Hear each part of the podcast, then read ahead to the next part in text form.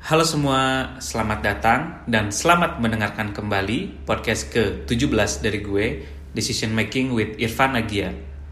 Tujuan dari podcast ini adalah untuk ngebantu audiens atau yang dengar podcast ini untuk lebih paham dan juga lebih bijak dalam mengambil keputusan-keputusan dalam hidupnya, baik itu keputusan kecil dalam kehidupan sehari-hari ataupun keputusan yang besar.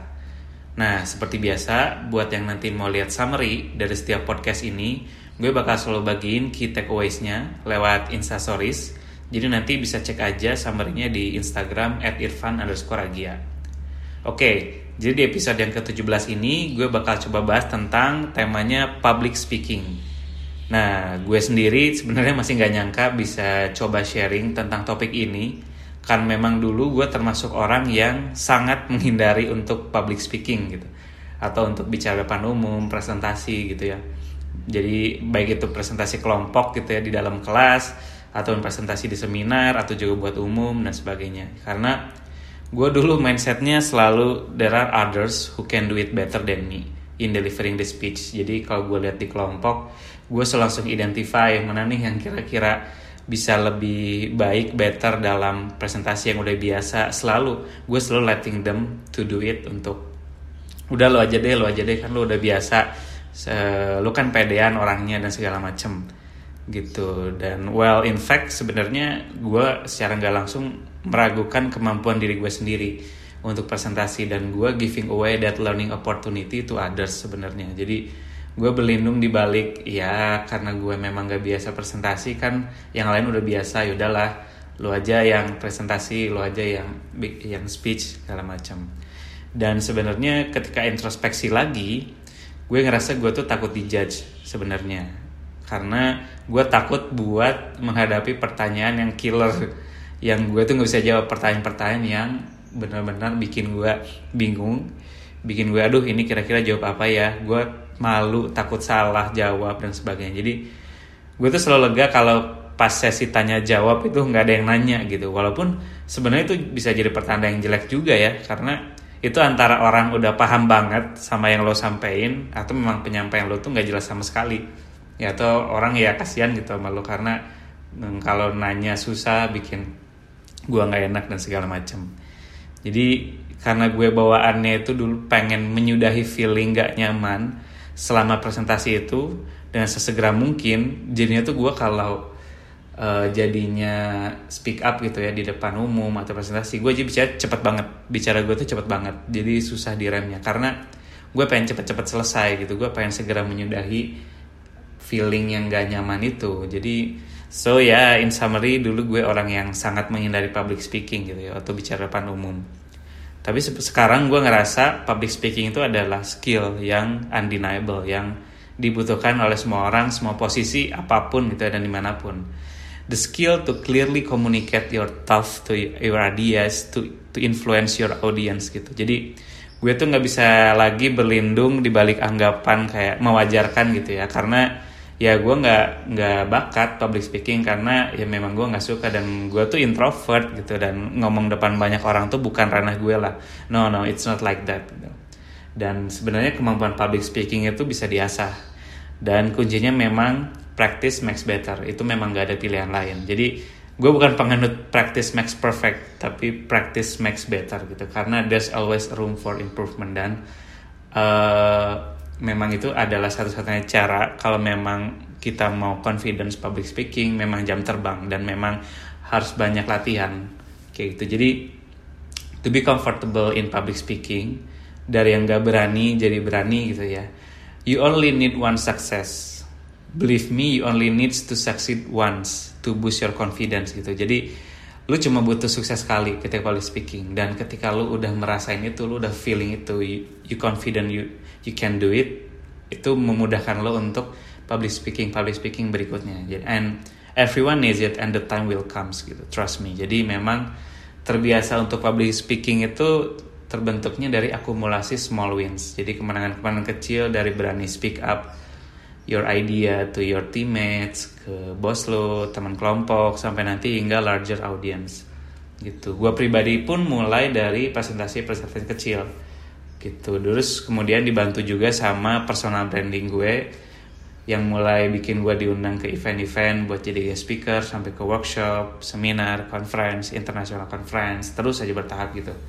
Dan public speaking itu memang menjadi skill yang penting karena itu a critical skill for everyone who wants to have an impact gitu. Jadi walaupun era sekarang komunikasi itu mediumnya udah mulai banyak ya gitu kayak lewat artikel, emoji, GIF, filters segala macam, tapi tetap public speaking is still the most effective way to move, to persuade, and to inspire.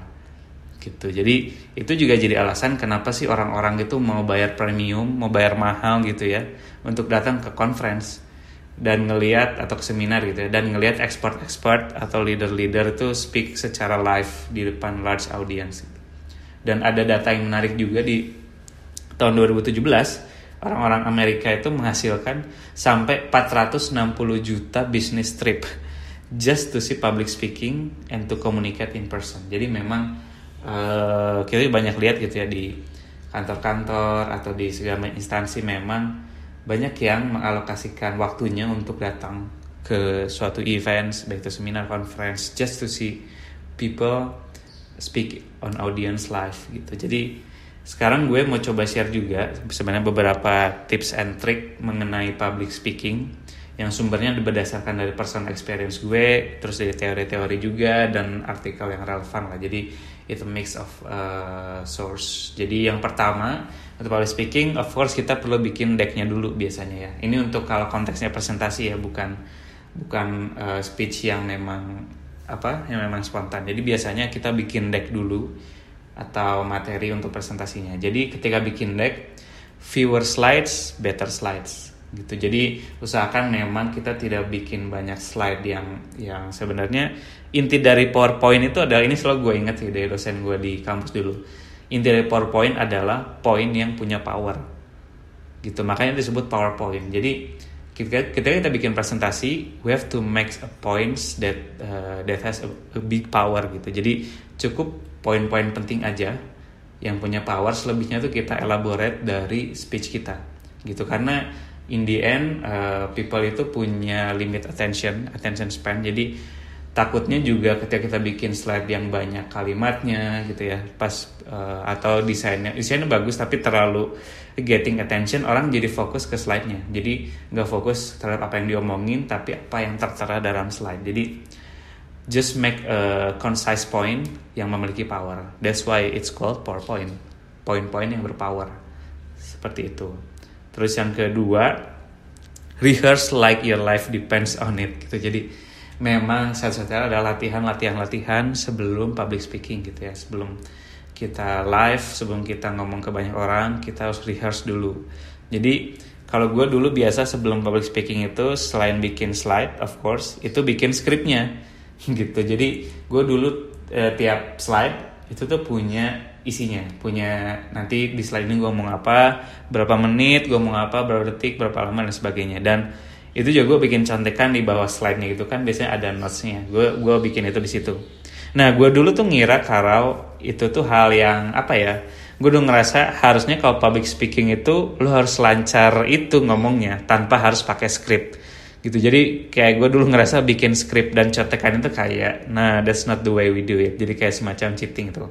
Dan dulu itu bikin gue minder gitu ya lihat orang-orang yang bisa lancar gitu ya public speaking tapi tanpa harus bikin skrip gitu. But uh, sekarang gue sadar kalau that's a choice. Everyone has its style. Jadi gue tuh udah datang ke beberapa conference nasional dan internasional dan gue menemukan bahwa even the world class speaker itu tuh bikin contekan gitu. Dan mereka tuh bilang ke audiensnya gitu. Jadi oke okay, tar uh, let me let me check my notes gitu di dalam misalnya dan mereka sesantai itu dan publik pun ya biasa gitu. Itu tidak mengundermine kemampuan dia dalam mendeliver public speakingnya gitu. Jadi setelah gue lihat oke okay, it's a normal thing to do and it's a strategy gitu. Jadi gue ngerasa everything which makes you perform better at public speaking do it gitu. Jadi semua mencari masing-masing it's not a sin to make a script bikin contekan as long as it makes you confident dan mempermudah lo dalam melancarkan public speakingnya just do it. Gitu. Dan ketika membuat script itu kayak kita harus secara careful, secara hati-hati me merangkai kata-katanya. Tiap kalimat harus nyambung antara satu dan slide lainnya. Dan itu take a lot of time gitu. Jadi essentially kita writing a play casting ourselves and learning the, the part well enough to act it on stage gitu. Jadi preparing to this level is a nightmare of course. Jadi memang perlu banyak latihan perlu banyak waktu but it's worth the time gitu. Terus yang ketiga prinsipnya communicate the way you're most comfortable gitu. Ini nyambung ke yang tadi gitu ya. Tiap orang tuh punya strategi beda-beda dalam presentasi dalam public speaking. Ada yang memang tanpa skrip karena memang mereka lebih suka uh, langsung ya langsung spontan ketika ngomong live terus dari jawaban audiens apa dia langsung rolling next topic sebagai sebagainya it's a choice gitu. Terus ada juga yang memang orangnya pakai kartu misalnya pakai pakai card terus juga pakai contekan notes kertas pegang kertas dan juga misalnya di di slide slide pakai animasi pakai video it's a strategy gitu. You have to know how you best communicate gitu. And use that as your advantage. Gitu. Karena in the end kita terlihat natural. Kita terlihat comfortable ketika kita delivering our message. Gitu. Nah oke. Okay, setelah misalnya decknya udah selesai kita udah selesai bikin script. If you want to make a script gitu. Yang kelima adalah kita build a pre-talk calming rutin. Jadi uh, kita sebelum naik stage gitu ya, kita harus punya semacam apa ya ritual masing-masing gitu ya. Dan it's very personal. Itu ritual yang membuat kita lebih calm. Jadi dulu gue paling waktu kuliah yang paling bikin gue deg-degan itu atau nervous itu adalah ketika sidang sidang skripsi gitu ya. Of course, I think uh, semua mahasiswa itu ngerasa sidang tuh paling killer lah yang paling bikin tegang segala macam jadi secara biologisnya tuh gue mulai apa deg-degan gitu ya terus atau atau gue tuh udah mulai tegang gitu terus breath rate itu rising gitu ya. Terus uh, pernafasan gue mulai mulai lebih cepat dari yang awalnya gitu ya. Dan luckily and fortunately gue ketemu uh, dosen gue almarhum dosen yang waktu itu jadi pembahas skripsi gue tuh bilang uh, kamu tegang ya Agia? Gitu. Terus dia bilang iya mas saya iya bang saya tegang. Terus dia bilang bagus. Gitu. Justru bagus bagus. Dia bilang gitu. Gue kaget ah bukannya tegang dan nervous itu malah jadi ini ya malah jadi bikin gue bingung ya atau bikin gue nggak perform. Dia bilang justru bagus. Uh, tegang itu adalah kondisi fisiologis yang memang uh, akan terjadi dia bilang gitu. Dan it's normal thing to it's normal thing to happen. Dan itu pertama ya that's one point. Dan gue ngerasa oke okay, ini tuh normal ini tuh biasa gitu. Dengan gue tegang nervous itu tidak tidak membuat gue akan underperform. Itu yang membuat gue cukup lebih tenang setelah dengar itu. It's normal dan kedua dia bilang justru dengan tegang ini lo akan uh, kamu akan lebih alert kamu akan lebih lebih alert dengan apa yang kamu sampaikan. Gitu. Kamu lebih fokus. Itu jadi semacam apa ya? Semacam new perspektif buat gue karena gue jadi ngerasa oh justru dia bikin gue lebih concentrate ya. Itu bikin gue lebih prepare gitu. Jadi dia bilang ya bagus. Kalau kamu terlalu nyantai mungkin kamu nggak nggak seprepare itu. Berarti ini tandanya kamu prepare banget. Dia bilang gitu dan oke okay, itu benar-benar bikin drop heart rate uh, heart rate gue tuh drop udah mau lebih tenang oke. Okay. pertama it's a normal thing dan kedua it makes me more concentrate. Gitu. Jadi realize that it's a normal thing to happen ketika misalnya lo mulai tegang.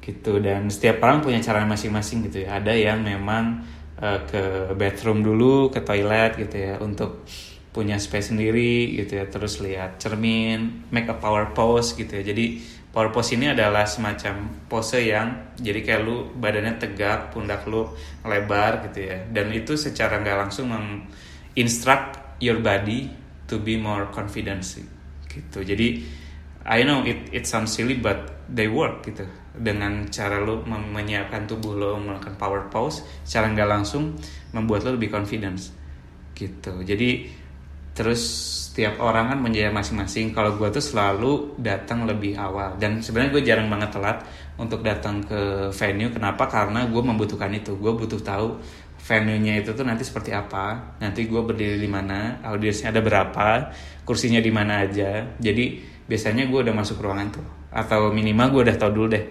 lokasi atau venue nanti kayak gimana. Jadi gue biasa imagine nanti gue speaking di sana crowdnya nanti gimana terus gue coba duduk atau berdiri di depan itu minimal membantu gue familiar familiarity karena salah satu yang bikin gue panik atau salah satu yang bikin gue tegang adalah unfamiliarity.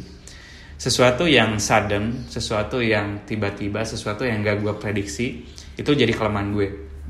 Jadi dengan gue datang langsung lihat venue minimal gue jadi tahu oke okay, nanti gue udah kebayang. Dan itu uh, membantu gue untuk oke okay, nanti tuh venue kayak gini loh jadi gue nggak akan kaget lagi ketika nanti untuk present.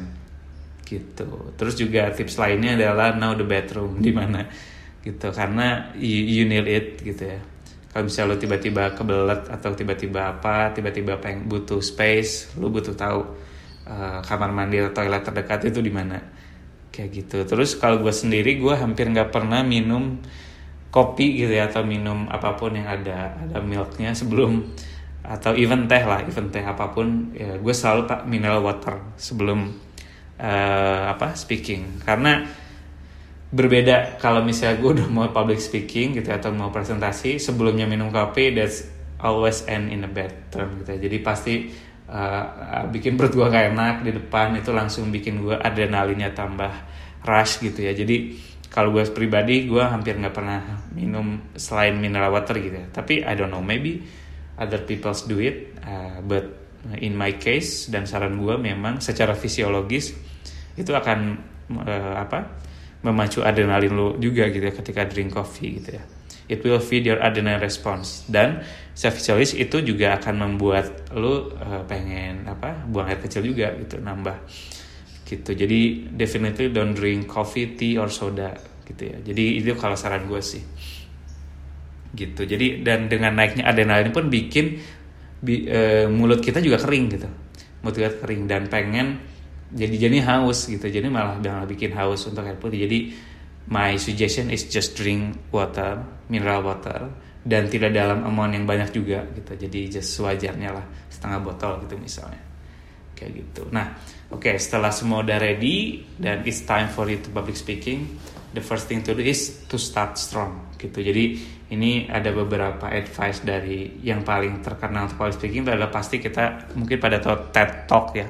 Yaitu ada event-event untuk yang public speaking dan um, salah satu apa ya ada ada ada risetnya. Jadi TED Talks itu yang memang apa menjadi favorit-favorit itu punya benang merahnya. Jadi people found the top TED Talks itu adalah mempunyai intelligence, karisma dan credibility dalam first seven second. Jadi dalam tujuh detik pertama uh, orang udah bisa nangkap, orang udah bisa tahu oke okay, uh, this is uh, the type of public speaking, this is the type of uh, talks that I want to attend. I want to give my attention. Jadi the first seven second is the most important gitu. Jadi bikin orang-orang yang datang, you know what, I'm gonna like this talk gitu. Jadi start strong, be confident. 7 detik pertama itu tunjukkan kalau you own this this talk, you own this presentation gitu. Show your credibility dan intelligence gitu. Terus yang kedua nih, ini penting nih sebenarnya setelah udah rolling gitu ya udah mulai uh, presentasi slow down, slow down. Jadi a common problem for terutama buat gue gitu ya, gue pribadi pun masih belajar hal ini. Jadi gue ngerasa kadang ketika presentasi bukan kadang ya mungkin sering ya, tapi gue nggak nyadar itu. Itu ngomong gue tuh cepet gitu. Jadi kebetulan karena uh, my head is punya banyak apa punya banyak hal yang pengen disampaikan gitu ya terus ditambah pressure gue lagi public speaking jadi kadang cepet juga dan kadang dulu gue nggak pengen cepet selesai itu bikin orang gak akan bisa dengan mudah digesting information gitu ya apa yang kita sampaikan kalau bicara kita tuh terlalu cepet just slow down dan memang ini butuh latihan. Ya yeah, it's easier to talk but uh, ini important gitu. Jadi kita harus slow down dan kalau gue pribadi tuh cara untuk bikin slowdown adalah sebenarnya waktunya masih banyak kok gitu. Sebenarnya gue yang ngatur pace gitu. Gue yang on this presentation. Kalau gue ngomong terlalu cepat orang nggak akan uh, apa nggak akan bisa nangkep dengan mudah dan sebagainya. Other speakers itu bilang dari awal gitu. Jadi gue banyak temuin juga gitu. Kalau orang yang memang ngomong cepat mereka acknowledge that dan bilang ke publik tolong stop saya atau tolong kasih gue pertanyaan atau tolong kasih notif kalau gue ngomongnya kecepatan. Mereka tuh kadang dari awal ngomong gitu. Gitu. Jadi it's one way to do it gitu. Jadi letting them know kalau uh, it's it's naturally gue speaking fast gitu tapi uh, the best way to do is just to slow down gitu. Nah dengan cara misalnya kalau untuk minimize-nya kalau kalian bikin script itu bikin script yang banyak spasinya atau banyak enternya gitu. Jadi bandingkan bikin satu paragraf. Itu membuat kita ketika baca script atau menghafalkan script kita udah desain untuk slow down. Kita tuh punya space kita tuh punya jarak ketika satu kalimat dengan kalimat lain. Kayak gitu. Terus ketika udah mulai ngomong dan lu ngerasa lu screw up gitu ya. Kayak anjir ini kayak gue salah ngomong anjir ini gue ngomong apa ya? Anjir kayaknya ini bukan yang gue maksud tapi gue bluffing nih sebagainya when you screw up keep going. Gitu. Jadi jangan jangan menghentikan lo ketika lo tahu oke okay, uh, I made a mistake gue ngelakuin atau bicara hal yang di luar konteks. Kalau misalnya di luar konteksnya itu uh, apa fatal atau misalnya lu ngerasa menyinggung akan orang lain apologize uh, immediately gitu tapi kalau konteksnya itu bluffing gitu ya yang di luar konteks itu just just keep going karena konteks matters more than the details gitu jadi orang itu nggak akan langsung notice to every word we say. They're listening to context. Gitu. Jadi uh, one mistake gitu. Ketika lo bluffing, jangan membuat lo ngerasa oke okay, you ruin everything. Kecuali itu konteksnya bikin uh, lo lo bakal bakal apa? Membuat orang merasa tersinggung gitu ya. Just immediately apologize. Gitu. Tapi when you screw up, keep going gitu karena people will comprehend the context gitu ya secara keseluruhan, bukan every detail kayak gitu. Jadi jadi make a joke about it and and move on gitu terus nah ini yang paling penting juga sih jadi remember ketika kita public speaking the audience wants you to success too gitu jadi audience yang datang juga pengen lu sukses juga. Gitu. Jadi ini adalah hal yang menurut gue relief juga ya ketika gue udah mulai bisa menginternalisasi poin ini. Jadi always remember that audience too wants you to succeed juga. Jadi ketika kita nervous untuk presentasi kita kadang mikir aduh gimana kalau orang itu nggak suka sama yang kita apa yang gue sampein gimana kalau everyone hates me? Jadi itu don't do it. Jadi uh, uh, bikin hal yang positif bahwa orang-orang datang tuh pengen lo sukses juga gitu. Pengen lo juga confidence. Ini gue menemukan apa ya uh, fenom bukan fenomena ya so, waktu itu gue datang ke Amsterdam itu ke itu isinya banyak practitioner di neuromarketing ya neuromarketing field terus juga banyak profesor juga. Gue datang ke satu sesi ada profesor yang ngisi gitu ya. Dan di dua menit awal dia tuh udah nervous gitu. Dan dia tuh bilang dia bilang secara honest gitu ya. Uh, dia bilang honestly uh, ini ini gue sangat sangat sangat tegang dia bilang. I'm very anxious. Gue gue sangat nervous dia bilang gitu.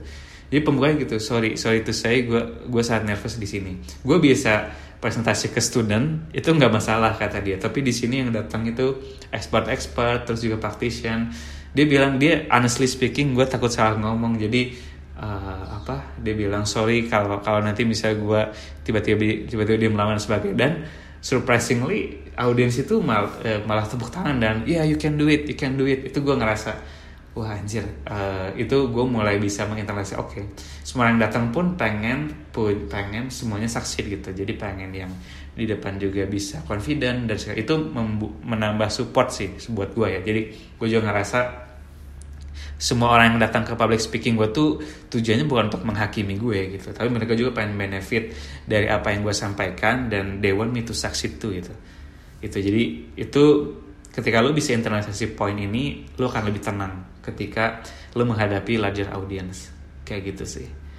Dan uh, ini misalnya you already succeed terus misalnya lo udah rolling uh, udah mulai confidence dan lu udah mulai diundang misalnya atau akan di, diminta untuk ngisi acara-acara atau topik-topik lain ini advice gue advice gue untuk untuk don't give talks about subjects you don't know gitu. Jadi uh, paham gue pribadi uh, gue udah stick dalam konteks public speaking gue cuma mau ngisi acara yang topiknya tuh entah itu cycle consumer psychology, consumer behavior, neuromarketing, behavior science, just just for it di luar itu gue nggak mau. Tapi dulu dan uh, gue juga banyak dapat tawaran dari event-event yang bukan expertise gue gitu. Jadi uh, gue dulu dulu banget sempet sempet nerima satu event yang sebenarnya bukan bukan expertise gue dan I find it hard gitu untuk untuk prepare untuk juga speaking. Dan itu gue gue cukup kapok sih. Gue nggak mau lagi ngisi event yang uh, subjeknya tuh bukan bukan ranah gue gitu ya. The, karena itu tadi itu bukan apa ya itu akan membuat lo uncomfortable gitu ya, untuk speaking karena itu bukan ranah lo gitu. Jadi ketika offer itu datang you should thank them untuk the opportunity and politely decline gitu. The reason is simple karena you don't have a clue what you're talking about gitu. Even ketika lu study up in time gitu ya lu coba belajar tentang topik itu tapi you won't give a great presentation because you won't care about the topic gitu. Karena you don't actually want to give the talk gitu ya. Karena ya mungkin lu ada alasan lain lah entah itu money atau itu entah buat konten I don't know. Gitu. Jadi but it makes you uncomfortable ketika lu deliver subjects atau presentation that you don't know. Gitu. Jadi untuk penutup sebenarnya when it comes to public speaking any confidence every great public speaker have today is the result of a tremendous amount of work gitu ya. Of frustration cold sweats and embarrassment gitu. Tapi that's the way to do it. Practice makes better gitu. Itu hal bisa kita hindari. Jadi kalau saran dari gue, uh, fokus on the small wins gitu. Jadi hal-hal kecil, baik itu presentasi di kelas, ke bos dan segala macam, itu adalah small wins yang harus lo ambil dan akan menjadi domino effect itu untuk lo bisa lebih confidence gitu. Jadi simply knowing that public speaking skill itu can be learned you don't have to born with them. Everyone can can uh, do the public speaking. Introvert can do public speaking man. Itu itu udah gue tinggalkan uh, alasan itu karena gue introvert. Gue bukan gue public speaking no. That's not it. Introvert can also do the public speaking. Maybe even better than extrovert. Karena kita lebih prepared gitu ya dan segala macam. Oke. Okay. Uh, jadi that's all tentang public speaking. Semoga berguna buat teman-teman yang dengar. Dan untuk next episode, gue bakal bahas tentang uh, something exciting. Jadi judulnya The Science of Cool gitu, tentang keren. Gitu. Jadi keren itu sebenarnya cool itu bisa dipelajari nggak sih? Gitu. Is there any science behind how to be cool? Gimana kita bisa jadi cool person dan sebagainya? Apa sih? Eh, hal-hal uh, fenomena teori-teori yang membuat orang itu menjadi cool, jadi keren dan sebagainya. Nah, itu akan kita bahas di next episode. Jadi gue berharap ke depannya kita bisa catch up lagi di next episode. Kalau ada masukan atau ide topik apalagi yang menarik buat dibahas, nanti bisa langsung mention gue aja di Instagram at irfan underscore agia. Jadi sampai jumpa di episode ke-18 Decision Making with Irfan Agia. See you in the next two weeks. Bye. Thank you.